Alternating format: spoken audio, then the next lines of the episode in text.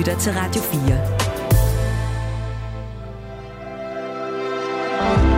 Velkommen til Mellemlinjerne. Din vært er Mathias Wissing.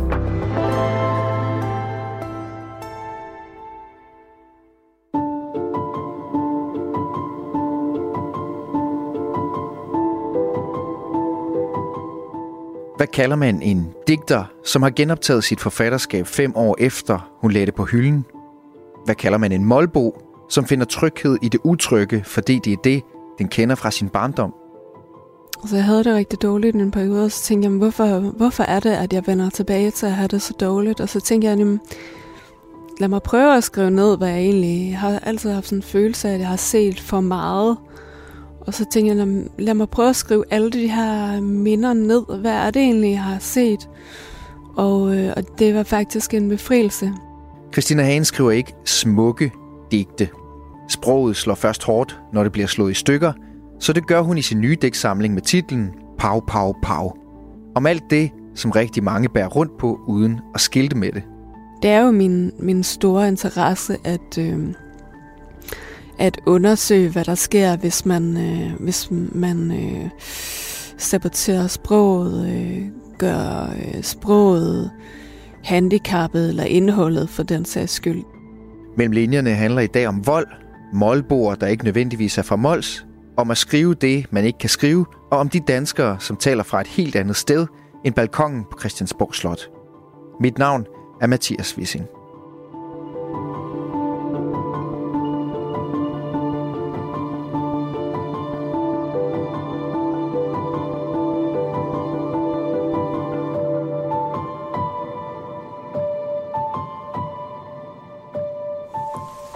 Hvis nu øh, du er klar, ja. skal jeg så ikke bare lige tænde for optageren? Ja. Og så begynde med at sige øh, velkommen i min øh, Citroën C4, Christina Hagen. Tak. og velkommen til Mellemlinerne. Øh, jeg er jo kørt til, øh, til Herning for at møde dig, mm. fordi du har udgivet en ny bog, Pau Pau Pau, den 19. januar. Mm. Digtsamling, hvor en del af den foregår i Herning. Herning er et vigtigt sted for mange af digtene. Ja. ja. Hvordan har du det med Herning? Det er et sted, der ikke får særlig meget god PR. Ja. tænker jeg i det hele taget. Men du er blevet sådan en slags ambassadør. Herning-ambassadør. Lidt uh, ufrivillig Herning-ambassadør. Øh, jamen, det er jo nærmest blevet sådan en historie, at jeg, jeg hader øh, København, og jeg elsker Herning. Og det er, det er selvfølgelig en fin nok fortælling, fordi det er der nok ikke andre, der vil sige. Men, øh, den, har du, den har du for dig selv? Lige den har jeg helt for mig selv, den fortælling. Men øh, jeg ved ikke, om Herning er et bedre sted end alle mulige andre steder, men det er jo, altså, det er jo der, jeg er vokset op. Så det er klart, man har jo et eller andet forhold til der, hvor man er vokset op. Øh, og så er jeg vendt tilbage hertil mm. og, øh, og bor her, og jeg er glad for det af mange forskellige årsager. Blandt andet, at der er ret meget ro, eller der er faktisk virkelig, virkelig stille mm. her, hvor vi er nu, mm. hvis du lægger mærke til det. Og det er ret vigtigt for mig, når jeg skal øh, slappe af eller, eller skrive, at der ikke er biler og sådan noget. Så er det også ret billigt at bo her. Det er Vel, en fordel, jo. Det er en stor fordel. Jeg har simpelthen ikke, øh, for at sige det som når jeg har ikke råd til at bo i København, selvom jeg havde lyst til det. Øh, jeg, jeg kan simpelthen ikke give 10 eller 12.000 kroner om måneden. Så hver bo her, der sparer jeg en masse penge, som jeg så kan bruge til, at, øh, til andre ting. Og til at tage på ture til Grækenland og sådan noget. På vandreture. Ja, ja, det gør jeg. Jeg kan godt lide at tage... Jeg leger sådan nogle gange et, øh, en, øh, et hus i, på en ø i Grækenland om vinteren, og så vandrer jeg i to måneder. Og det kan jeg så gøre, fordi jeg sparer penge et andet sted, så det er også sådan lidt af økonomiske årsager. Øh, jeg selv boet i København. Jeg er, jeg er fra Jylland oprindeligt. Jeg har selv boet i København, nu er jeg tilbage. Og jeg synes, det er svært at være... Jeg kan godt lide at være i København, når jeg kan sådan komme og besøge venner, eller være turist eller sådan noget derovre. Mm. Men der er noget hierarki, eller der er noget forventning, eller et eller andet, som er svært for mig, kan jeg mærke at være mig selv i. Det er svært for mig at, no. at, at arbejde i det på en måde. Vil du kunne skrive i København, eller er det en del af det der, alt det, der foregår i forhold til de miljøer, som er, som man skal forvente sig at tale ind i, eller tale op imod, eller deltage i, eller arrangementer, man skal dukke op til? Altså, Nå, hvordan har du det jamen, det? det tror jeg sagtens, jeg kunne. Jeg tror da, jeg vil skrive lidt så meget i København, det, men jeg har simpelthen brug for, øh, for stillhed. Øh, men bortset fra det, jeg tror, jeg har haft så mange, egentlig da jeg var ung, så mange øh, kærestesover i København, at, at det nok egentlig er det, jeg forbinder med det, når jeg kommer derover. Det tror jeg er en stor del af det, at det er simpelthen, der er mange steder, mm, altså blandt andet på Frederiksberg, og der er også et sted inden, inden midt i byen ved en 7-Eleven, og Hellerup og Søerne, og sådan nogle ting, hvor jeg bare ikke husker, at jeg har været så ked af det, at, øh, at det påvirker mig simpelthen at komme derover. Så det er nærmest blevet sådan en by, jeg holder mig væk fra, Mm. blandt andet på grund af det. Det er simpelthen en stressende oplevelse for mig at komme tilbage til, Mm. til den her sorg. Hvordan er det at være opvokset i Herning, og jeg spørger, fordi i Pau Pau Pau, den første cirka tredjedel, øh, første del af, af bogen, som er bygget op af tre dele. Der er ligesom mm. Mm. den, den første del, Pau, så den anden del, Pau Pau, hvor der er på underoverskrifter på, og så er Mm. det tredje del, Pau Pau Pau. En stor del af første del, altså bare Pau, øh, udspiller sig i Herning. Den er baseret på, som du har skrevet, Ikke kun Herning. øh, redigeret minder på listeform, øh, har jeg Mm. kaldt det sted. ja, men det er også lidt løgn, for det, det er ikke kun mine minder. Det er sådan et, øh, et sammensurium af mine minder, men også andre menneskers minder. Det er ikke mit det hele. Øh, men, øh, men ja, det er også minder. Det, tror jeg er ret klart, når man læser det, at meget af det tilhører mig. Mm. Men selvfølgelig bearbejdet på forskellige måder. Mm. Men hvordan, hvordan har det med at være opvokset? Og jeg tænker på det, fordi der er nogle hårde digte, eller der er nogle, øh, Mm. der er nogle næsten ubærlige udgange på nogle af digtene, synes jeg, Mm. som er i den her øh, i de her barndomsminder, øh, uanset om det ja. er dine egne eller nogle andre, men som, som ja. Ja. foregår i den del af din opvækst, som du så kan regne ud har været her i Herning. Jamen Øh. ikke kun. Jeg tror egentlig, mange af de, de ting, der har inspireret mig til at skrive den her bog, er egentlig foregået andre steder end i Herning, vil jeg sige. Herning var et sted, vi kom til, da, da det begyndte at blive godt igen. Altså, jeg synes, jeg havde nogle ret hårde år som, som barn, men det var ikke i Herning. Det var, det var sådan set før det. Det var i omkring Vejle, og så var det i Karup især. Det er især den tid for Karup, der, der har inspireret mig til at skrive. Vi dykker ned i nogle af digtene senere, øh, også efterhånden, som vi kommer rundt i Herning. Vi sidder jo i min bil af en årsag. Mm. Ja, ja, ja. Øh, øh, så dem, dem, dem kunne godt tænke mig, at vi snakker øh, lidt mere konkret om senere. Jeg også gerne høre nogle af dem. Øh, men hvor øh, skal vi køre hen, nu når vi sidder her og har mulighed for at bevæge os rundt? Mm. Jamen, det er jo det. Altså, det er lidt langt at køre til, til Karup, men hvis vi skal Det prøve... kan vi ikke nå i, i det de kan vi simpelthen ikke nå. 45 minutter. Øh, ellers så tror jeg, det vil blive en, en lidt mørk fortælling også at tage til Karup. Det forbinder jeg egentlig med noget ret mørkt. Men øh, vi kunne prøve, hvis vi skal se noget omkring Herning, og tage hen til, øh, til det hus, hvor mine forældre boede, før de blev skilt. Det har jeg jo så ligesom ikke noget, nogen hukommelse omkring, fordi jeg var kun to år, da vi, da vi flyttede derfra. Men øh, det er alligevel et hus, jeg går forbi nogle gange, fordi jeg, øh, jeg forbinder det med noget positivt.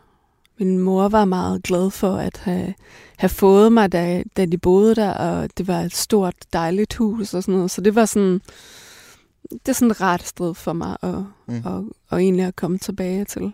Men skal vi ikke prøve, at- hvis vi tænder bilen? Jo. Og så kører der hen af. Ja.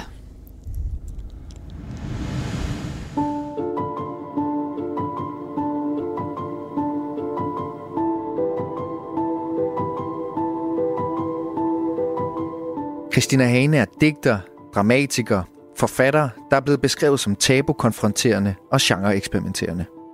Hun dimitterede fra Forfatterskolen i 2006 og debuterede to år senere med novellesamlingen Sexdronning. I 2010 udgav hun brevromanen 71 breve til M, som i weekendavisen blev beskrevet som fantastisk ilter og hysterisk, sær og uhyggelig. Og to år efter det fik hun et bredt gennembrud med digtsamlingen White Girl, der var baseret på, citat, en samling postkort skrevet af hvide mennesker, hvor Christina Hagen omdigtede postkortene med en række højskoleelevers værste rejseoplevelser til tekster fremført på gebrokken dansk. Christina Hagen blev i sporet med det hæmmede sprog i Boyfriend fra 2014, før hun i 2017 i kølvandet på digtsamlingen Jungle blev omdrejningspunkt for en debat om politisk korrekthed og om, hvad man kan eller ikke kan tillade sig at skrive. Samme år som Jungle blev udgivet, skrev hun den blodplettede White Girl 2 i hånden, før hun efter korrekthedsbibelen i 2019 meldte ud, at hun lagde forfatterskabet på hylden. En beslutning, der med Pau Pau Pau er gjort om. Udover sine bøger har Christina Hagen blandt andet skrevet teatermanuskripter og skabt podcasten Min græske dagbog.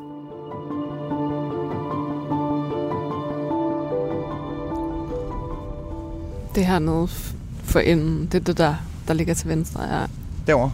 Det her. Der. Mm. Skal vi så ikke bare lige holde her op på? Kan vi holde her som stalker? Vi kan jo ikke rigtig gå ind. altså, det mærkeligt. kan være super underligt. Og trække lige håndbremsen alligevel. Men det er sådan et... Det er et godt sted, det her. For Ja, for mig er det noget positivt, fordi jeg bor ret tæt på og næsten kan se det fra mit vindue. Ikke? Når du øh, har skrevet dine digte, så har du en figur, der hedder Molboen Mm. i Pau Pau Pau. Ja. Pistoldigte skal jeg jo huske at sige, de hedder som en, Ja. som en slags beskrivelse af digtene. Mm. Hvor, hvor, hvad er det for en målbo? Mm. Altså Målbo er en gruppe af mennesker, som... Øh, altså det er ikke knyttet til et geografisk sted, men en gruppe af mennesker, som... Øh, hvis jeg skal forsøge at beskrive det, som øh, føler sig mindre værd, og også bliver behandlet, som om de er mindre værd. Øh, måske taler de ikke rent, måske har de ikke en uddannelse, de har ikke samme rettigheder som andre, fordi de ikke kan de ikke har den samme intellektuelle kapacitet som øh, som de mennesker vi kender. Og på den måde bliver det sådan en øh, en gruppe mennesker, som står uden for samfundet, men øh, det har ikke nødvendigvis noget med penge at gøre. Det er sådan noget, jeg har savnet i den diskussion, man kan sige, har handlet om om målboer, uden at man har kaldt dem målboer, altså sådan en social Mm. underklasse, hvor det tit kommer til at handle om penge, og hvor jeg har tænkt, jamen, det handler ikke kun om penge. Altså nogle gange så, så griner jeg næsten, når regeringen giver øh, 5.000 eller sådan noget som et kontantbeløb til, til folk, der ikke har mange penge, hvor jeg sådan tænker, jamen, det var da billigt sluppet. Du ved, altså for eksempel psykiatrien, som, øh, som jeg kender nogen, jeg kender mange, der godt kunne have behov for at blive indlagt, som gerne vil indlægges, men det kan de ikke få lov til, selvom de er så syge, at de faktisk ikke tør forlade deres hjem. Og hvis de skal indlægges, så tror jeg nok, det koster, jeg ved ikke, 3.000 om dagen, måske mere. Mm. Og så tænker jeg, at det er da billigt, hvis man kan slippe med et engangsbeløb på 5.000 og få det til at se ud som om... Er er eller hvad det nu det har særligt. været.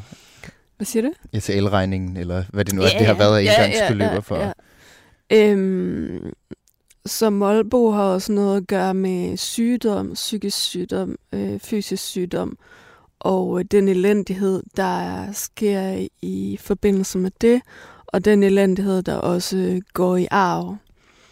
Altså, jeg har i hvert fald set med egne øjne, hvordan det kan ødelægge øh, familier og børn, når der er når forældrene er syge. Ikke? Ja. Og det, det berører mig egentlig meget, og det er så det, jeg kalder målbord. Det er, det er de her mennesker, der er berørt af alt det, og, og også ofte er de forfulgt af uheld. Og så har jeg tænkt på, hvad er uheld egentlig? Jeg ved ikke, hvad uheld er, men det er som, der er nogle mennesker, der er forfulgt af uheld mere end andre. Så det er Målbord, for Målborg. Ja. Det er Målborg. Ja, så var jeg også inspireret selvfølgelig af de her Målbo-historier, som jeg læste for nogle år siden, øh, som jeg egentlig synes var helt forfærdelige. Og det er virkelig nogle forfærdelige historier. Jeg ved ikke, om, om du kan huske dem. Jamen, Jeg, jeg, altså, jeg kender dem kun som den der komiske figur, altså, mm. når, når jeg tænker på Målbogen.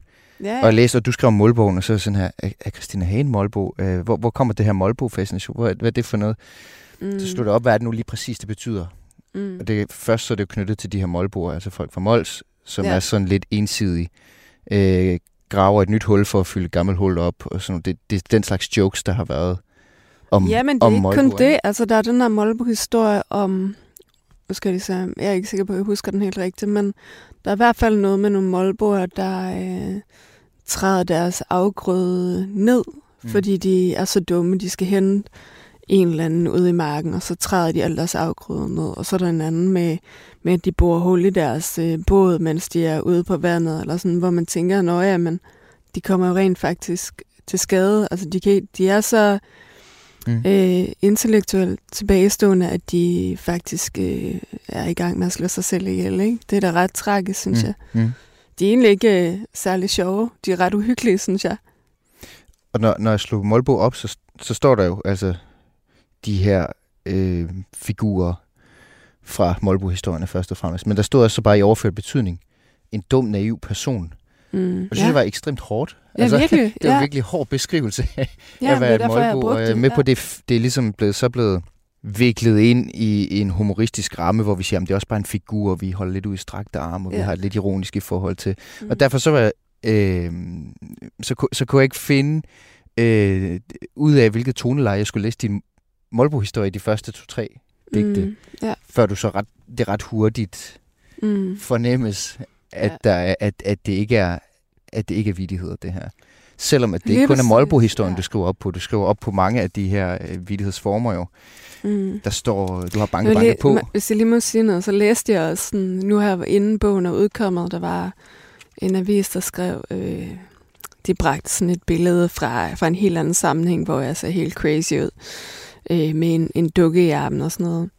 Og så skrev de, at Christina Hagen skriver en bog om øh, forskellige typer, og så tænkte jeg sådan, om de har læst et eller andet om de her øh, målboer, og, og tror, at jeg sådan gør grin med de her...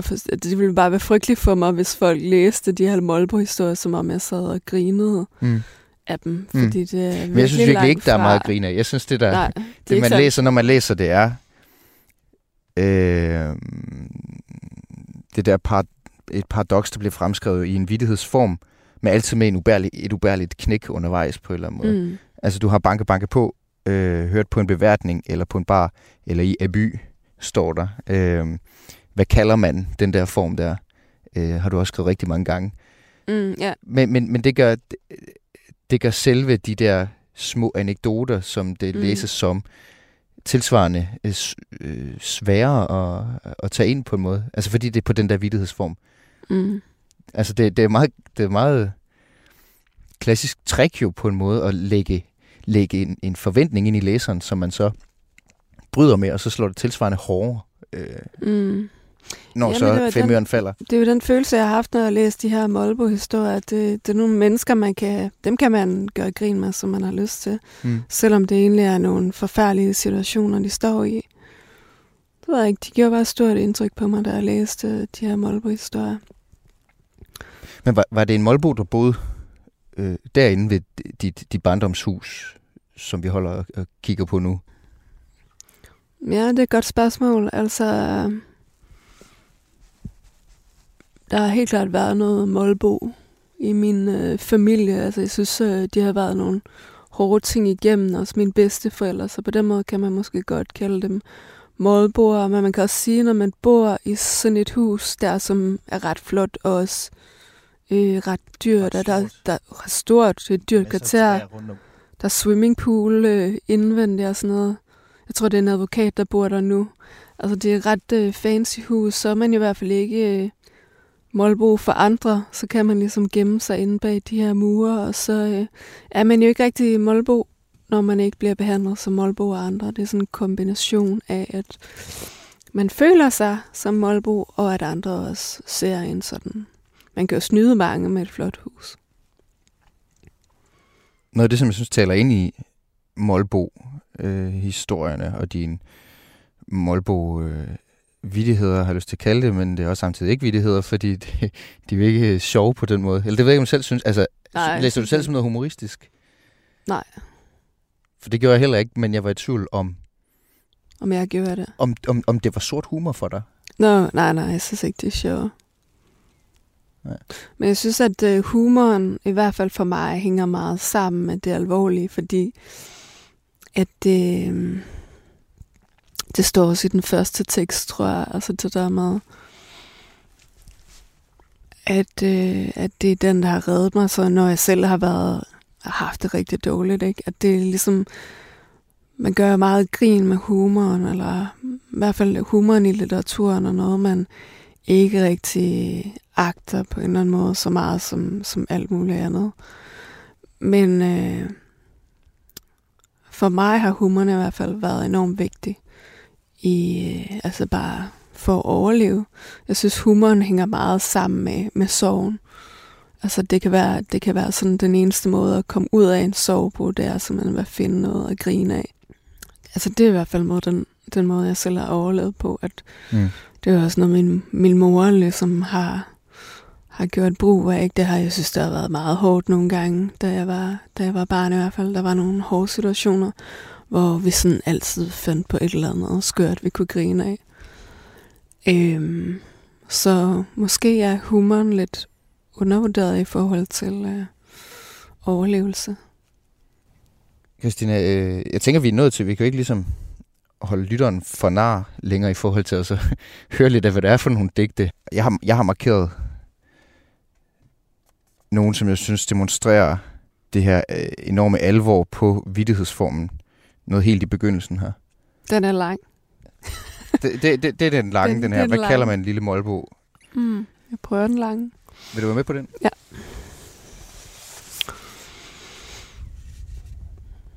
Banke, banke på.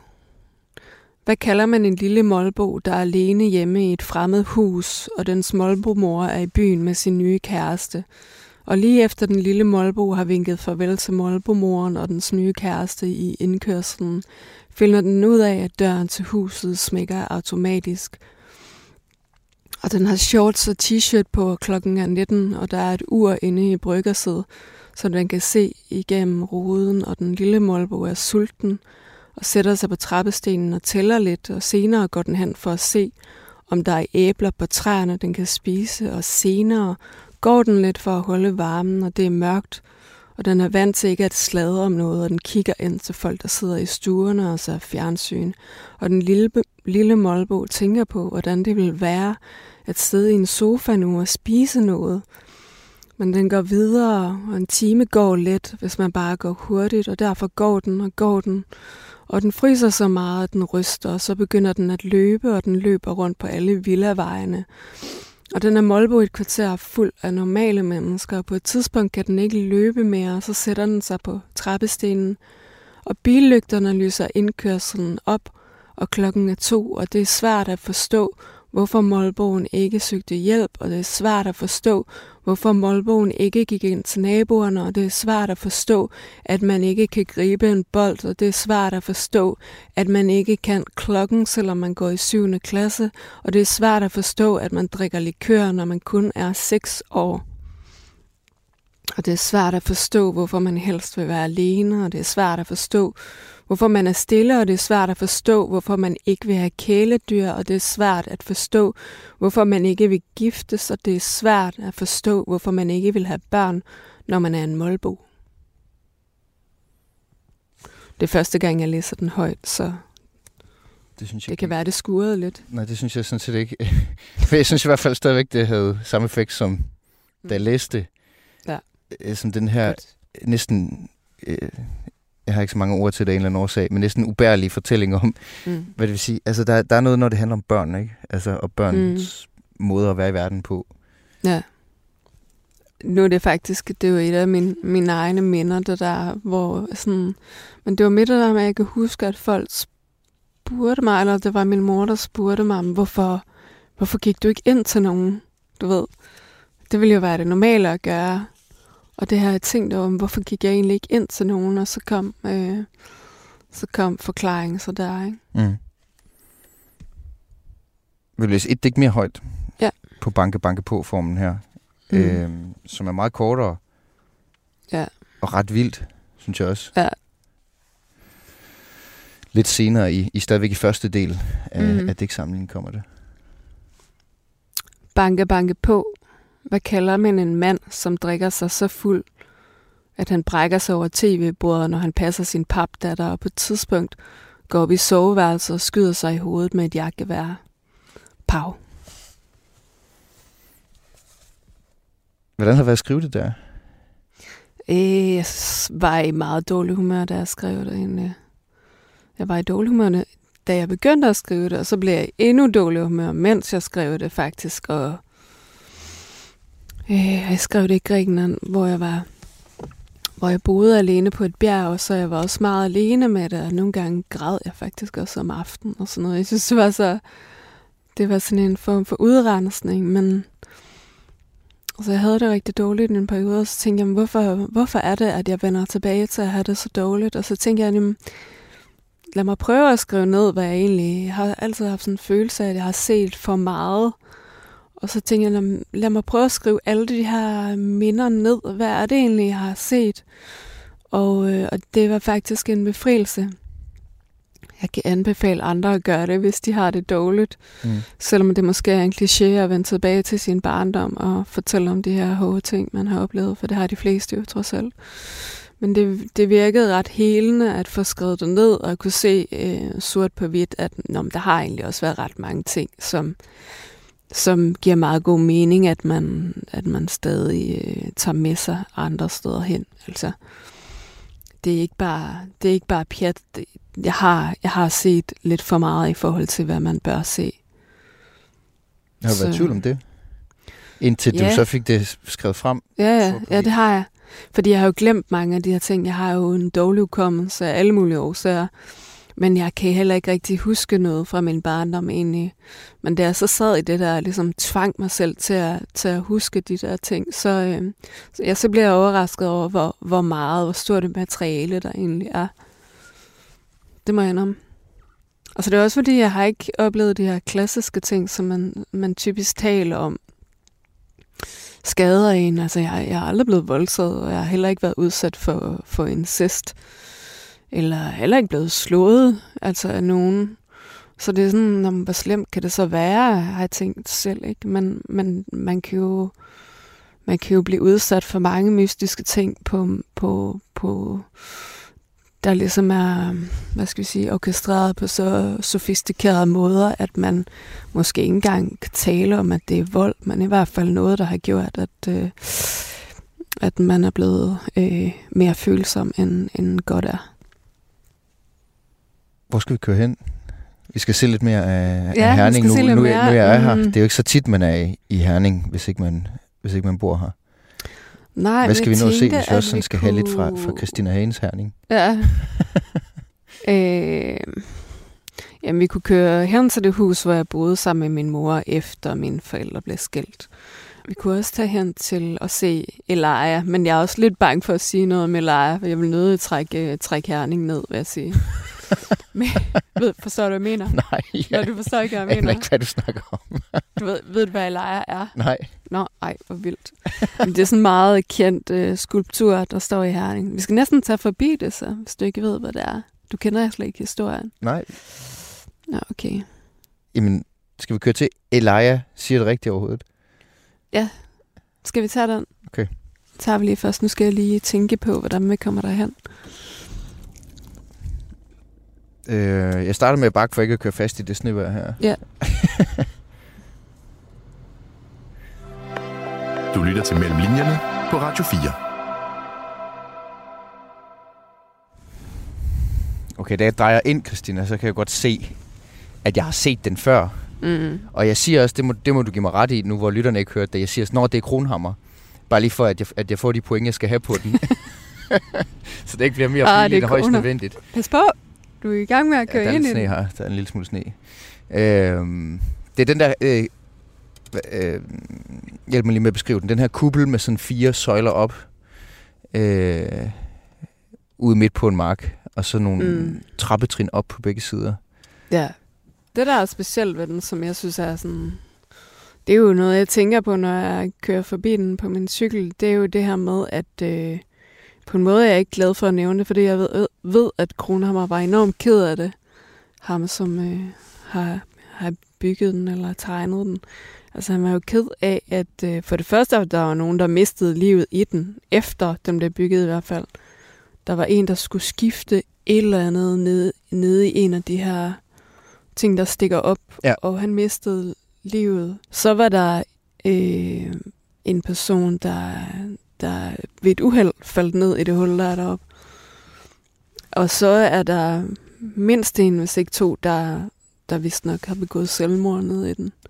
Det synes jeg er ret uhyggeligt, at, at have sådan en statue, hvor folk decideret aktivt bruger den til at begå selvmord i. Men nu er der så et net, der er spændt ud, så man lander i det net, hvis man hopper derned. Ned i midten. Ned i midten. Okay.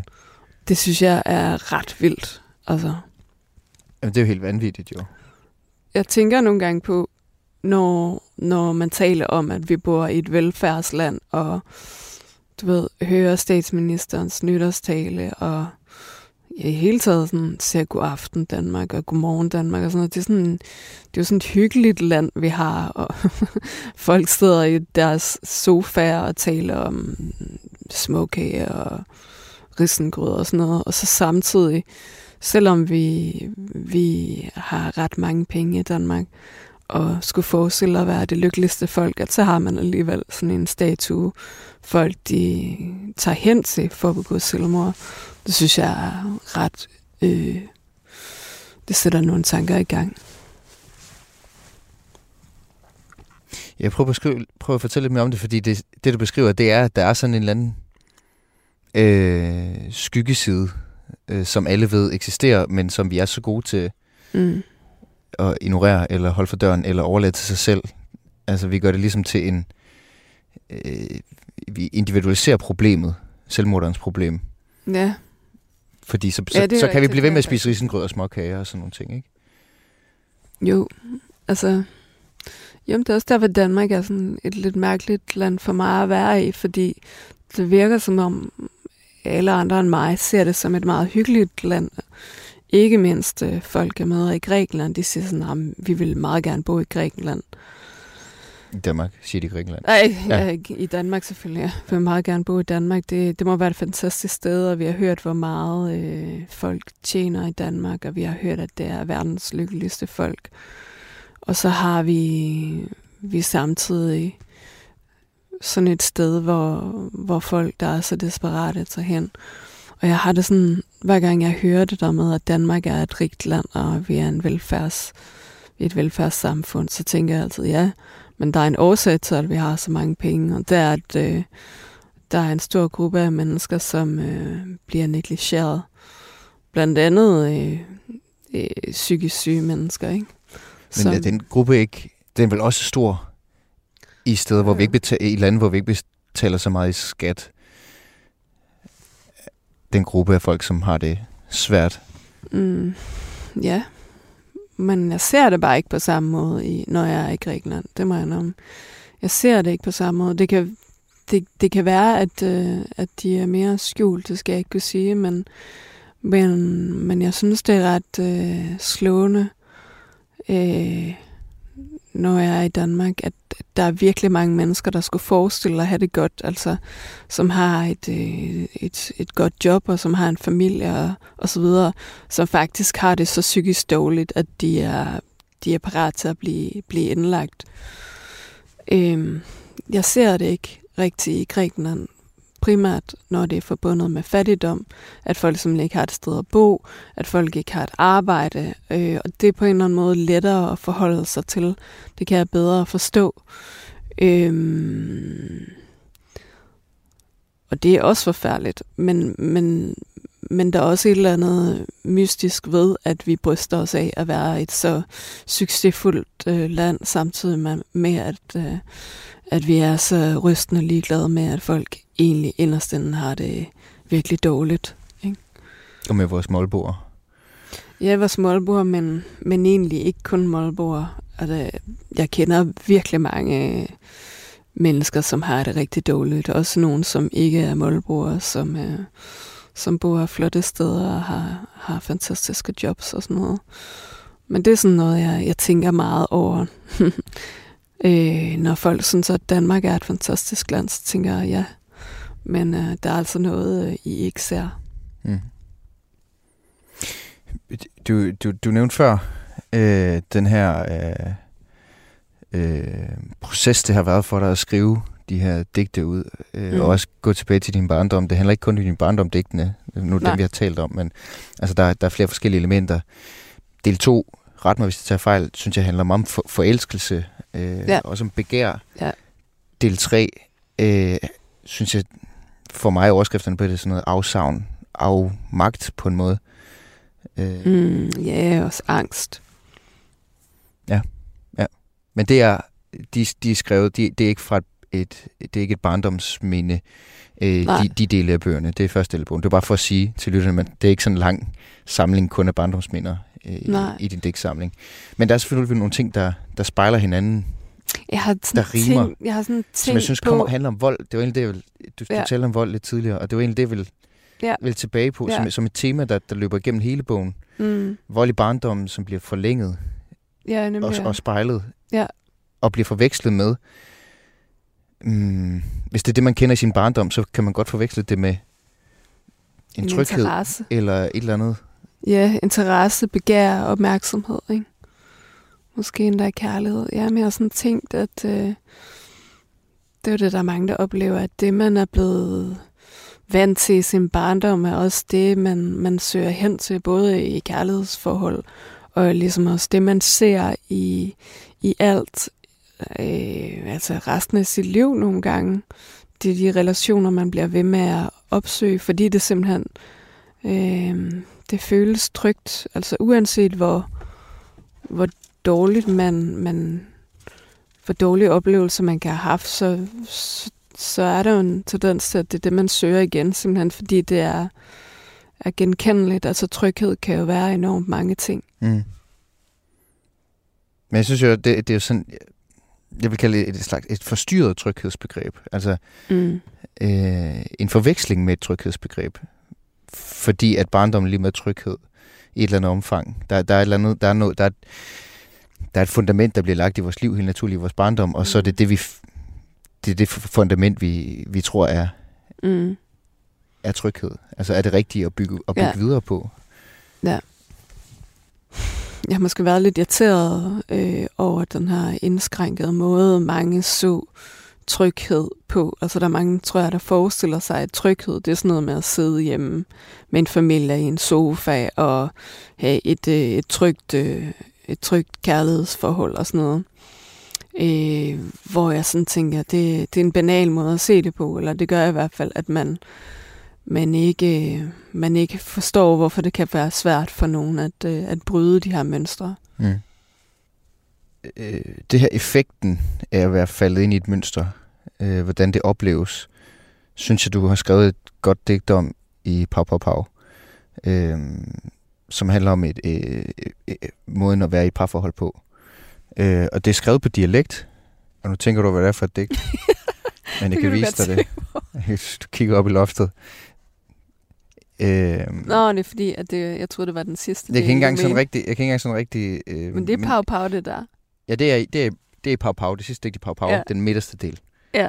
Ja, nå ja, det er fordi, jeg, det er, fordi jeg, jeg snakker om Pau Pau Pau som digtsamling. Ah. Men den midterste del ja. hedder bare Pau Pau, altså mm. to gange Pau Pau. Ja. Og det er skrevet på dialekt, mm. og det, det, det, det, det er vidunderligt øh, med den her dialekt, øh, som er skrevet ind på Molbo-sprog. Kan jeg godt lide, at du siger. det er det, der Og det, vil du ikke læse, læse det højt, i, også i forlængelse af det, vi lige har snakket jo. om? En bitte Molbo kan få kontakt til sin kæreste. Han har smidt den ud som en pose med skrald. Den gode nyhed er, at en målbo ved alt om at være skrald. Det er bare at lægge stille og vente på en taber og trækker den op af bødt. Så er det bare at blive tænder sammen og blive misbrugt med en smil.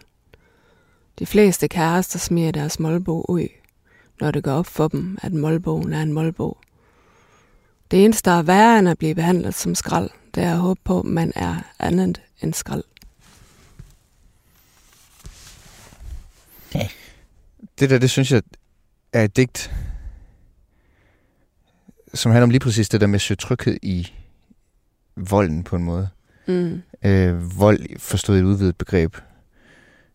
Øh, altså at man nemlig tænker, jamen det er det mønster, som jeg eksisterer i. Mm. Det er min forventning til, hvordan, jeg, hvordan folk behandler mig. Ja. Altså, Men det er jo også det, at der, der ligger en utryghed i at øh, tro, at man skulle blive behandlet anderledes. Altså der ligger en utryg i at forsøge at bryde et mønster, fordi der kan jo komme en enorm skuffelse, og så skal man igennem sådan en øh, en form for bevisbyrde igen. Altså det skal ligesom, skal ligesom bevise, at, øh, at man har ikke fortjent at blive behandlet sådan. Og det er jo noget anstrengende, så er det jo måske nemmere og måske mere behageligt bare at sige, godt, jeg accepterer min, øh, min skæbne, og så, øh, så er der også en stolthed i at øh, så kunne udholde det, selvom det måske kan lyde mærkeligt. Det digt, du lige læste højt her, det er skrevet på dialekt. Molbogsprog. På, man siger bare på Mol- Molbo.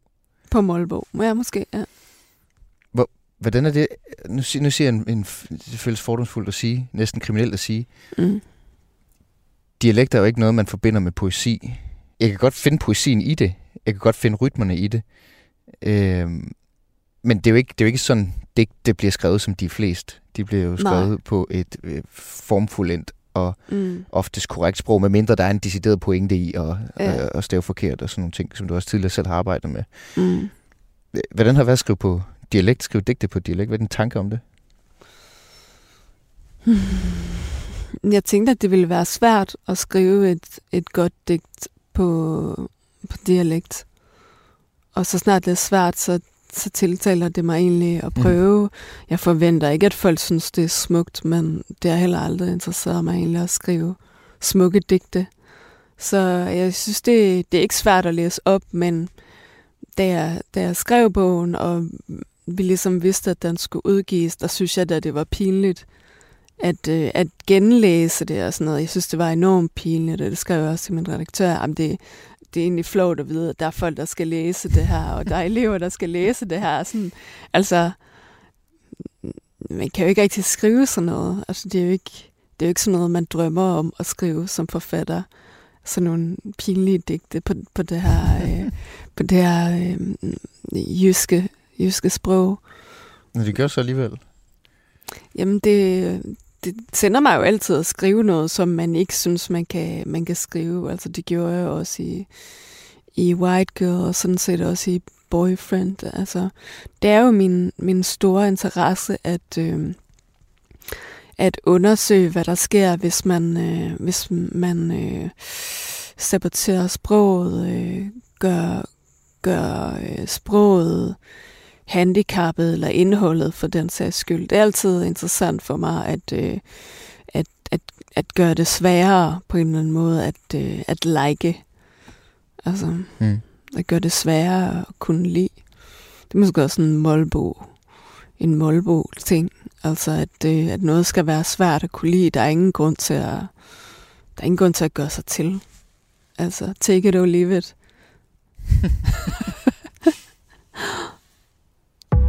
Det her er Mellem Linjerne på Radio 4.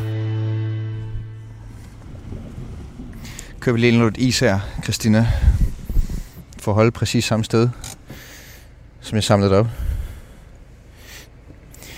Tak for den her øh, mikrotur i Herning. en guided tur Ja. i Christina Hagens Herning med to highlights. Ja.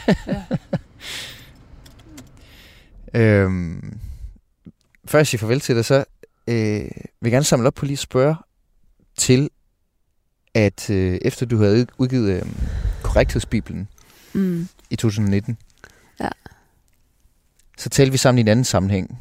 Øh, så kan jeg huske, du sagde, jeg, jeg har ikke lyst til at være forfatter mere. Øh, Mm. Der kommer for mange ting med det at være forfatter, som jeg ikke Mm. gider mere. Ja. Og det er fem år siden, fem år siden du, du skrev korrekthedsbibelen. Og den 19. januar, så kommer uh, Pau Pau Pau. Hvorfor Ja. har du alligevel skrevet en, en bog igen? Øhm, det her med at give interview kan jo være ret øh, psykisk udmattende. Øh, og det har altid været, været det mest krævende for mig ved at udgive en bog. Det har været øh, at lave interviews og stille op til, til fotos og sådan noget. Og det, det blev bare for meget på et tidspunkt. Det har altid stresset mig meget, men øh, jeg udgav på et tidspunkt øh, en bog hvert andet år eller hvert år. Og det var bare helt enormt stressende at, øh, at stille op til de her udadvendte ting, fordi jeg er en meget indadvendt person. Øh, og det er også øh, lidt, lidt øh, hårdt, lidt krævende en gang men at læse om sig selv i avisen, synes jeg. Så jeg synes egentlig, det tog for meget energi, og det tog for meget glæden. Jeg har altid været glad for at skrive, jeg har altid haft brug for at skrive, men, øh, men, men det blev simpelthen for meget. Jeg blev for stresset af det, og jeg havde lyst til at leve et liv væk fra alt det her, hvor jeg kunne få fred til alle de ting, jeg også godt kan lide at, øh, at gøre. At vandre, at være alene, at være i naturen, at øh, svømme og sådan set bare øh, have det godt. Men det, altså, den del af det havde så stor konsekvenser, det der med at skulle være en person i offentligheden, og det der med, at folk havde en holdning til en, og ville fortolke på en, og ville debattere mm. ens person. Altså, Ja, men det, det, det, er så, det, det var så meget for dig, at du decideret sagde, jamen, så, så kan jeg ikke være forfatter, hvis det er ja. en del af pakken. Ja, men det har det faktisk været lige, lige siden jeg startede med at give interviews. Altså lige siden mit første interview, der havde det sådan, okay, det er jeg ikke sikker på, jeg kan holde til. Og det var jo på et tidspunkt, hvor det var helt øh, stille og roligt. Og sådan, jeg, jeg synes, det er en, en lidt ubehagelig form, og det, altså, det der med at læse om sig selv i avisen, selvom det behøver ikke engang være et, et, et, et interview, der udstiller en på en negativ måde, men bare det at læse om sig selv i avisen, øh, med de der billeder, der nu er sat til, altså det er jo øh, som at læse om en, en fiktiv karakter, det er jo ikke sådan, jeg læser et interview med mig selv og tænker, ja, det, det er da mig, og det, det jeg mener. Altså ofte er jo lige så uenig med det, jeg siger i avisen, som, som alle mulige andre er. Og ofte tænker jeg på de billeder, hold da kæft, altså hvor ser jeg, at du ved, sur ud, eller et eller andet, hvor jeg aldrig nogensinde selv ville have, have valgt de billeder, og jeg ved i hvert fald, når jeg selv læser interviews med forfattere, så går jeg ligesom ud fra, at det, de siger, det er noget, de mener, og de billeder, der er, det er nærmest som om, de selv har valgt dem og gerne vil fremstå sådan. Men, men det er lidt uhyggeligt, fordi det går op for en, at, at man er egentlig, man bliver en fiktiv... Nu er der en, der larmer. Man bliver, kommer en kost forbi her. Der kommer en kostemand. fordi man bliver en, en fiktiv karakter for sig selv, og det, det synes jeg egentlig, jeg oplever som noget ret uhyggeligt. Men jeg tror godt, jeg forstår, hvad du mener med at læse avisen i et interview, man selv har givet, og så stadigvæk mm. kunne være uenig i noget af det, der står. Ja, altså for, for, fordi at man er fyldt af selvmodsigelser og sådan nogle ting. Og det, og det er der jo plads til en digtsamling. Og en roman, den mm. skal jo gerne være bygget op af, hvad det vil sige at være menneske, og det, hvad menneske er. Mm. Tit mange forskellige ting på én gang. Men når det så optræder i på artikelform, eller et radioprogram, eller mm. så, det, så, kom, så det en, anden, en del af en anden pakke. Ja, men jeg vil sige, at radio er, er ikke så slemt, fordi der, der er der alligevel grænser for, hvor meget du kan klippe fra, men i en avis kan man jo, kan man jo sidde og tale og sige syv eller 20 sætninger med et emne, og hvis man så bare plukker en eller to sætninger ud, så kan man jo ikke sige, at det har jeg ikke sagt, men meningen bliver måske en helt anden. Mm. En del af det er jo også, at du kan jo øhm, pusse nusse om det, du skriver, og mm. være punktlig og præcis og vende og dreje og se forfra og få til gennemlæsning og få feedback og så. Mm. Du ved, der er jo er det også fordi, der er et kontroltab i, i den overlevering, som er fra at skrive noget selv, og så det til, at dine ord de ligesom bliver, bliver lagt i andres hænder, når de skal videreformidles? Mm, ja, ja, det er da klart. Det er da klart, at det er også noget at gøre man det, men... mm, hvordan skal jeg forklare det, altså... Nej, jeg tror ikke, jeg vil, jeg tror ikke, jeg vil forklare det. det altså, det er, jo, det er jo selvfølgelig det, man siger, at det er et, øh, et, et kontroltab. Men øh, Jeg tror også nok, jeg føler, at der er visse emner, som hvis man er en forfatter, der skriver om, om visse emner, og der kan, der kan virke provokerende for folk, altså der, så har man sådan mere ret til også at skrive noget, noget ret øh, negativt eller voldsomt om det, hvor jeg i hvert fald har følt, at, øh, at det havde en stor pris at skrive om nogle særlige emner, hvor der så var hvor andre emner, det var, det var mere gratis at, at skrive om, og det, det har jeg synes var, at det har bare været, været opslidende, at man på en eller anden måde skulle, skulle modificere sig selv meget for at kunne holde ud til at give, give interviews, sådan set. Pau Pau Pau, som vi har talt om, Christina Hagen, øh, udkommer den 19. januar mm. på Gyldendal. Øh, tak fordi jeg måtte komme til Herning og besøge dig. Tak fordi du vil øh, køre en tur med mig. Øh, Selv tak. Til mellem linjerne og prøve på med bogen. Tak. Jeg hedder Mathias Wissing. Tak fordi du lytter med. En af Spotak. Hjertelig velkommen til Portrætalbum. I Portrætalbum bruger Anders Bøtter musikken til at vise nye sider af sine gæster. Min fantasi matchede ligesom ikke verden rundt om mig. Det var meget sådan en lille cocoon af eventyr og alt muligt, men når man så gik ud i verden, så blev det bare så voldsomt. Jeg synes, at det er ekstremt passende, at det er på det her tidspunkt i dit liv, at du bliver ramt af Bjørk. Lyt til Portrætalbum i Radio 4's app, eller der, hvor du lytter til podcast. Radio 4. Jeg havde det rigtig, rigtig svært med, at jeg var født som pige. Altså, jeg havde gik på en skole, hvor jeg fik lov til at hedde Thomas. Ikke så forudsigeligt.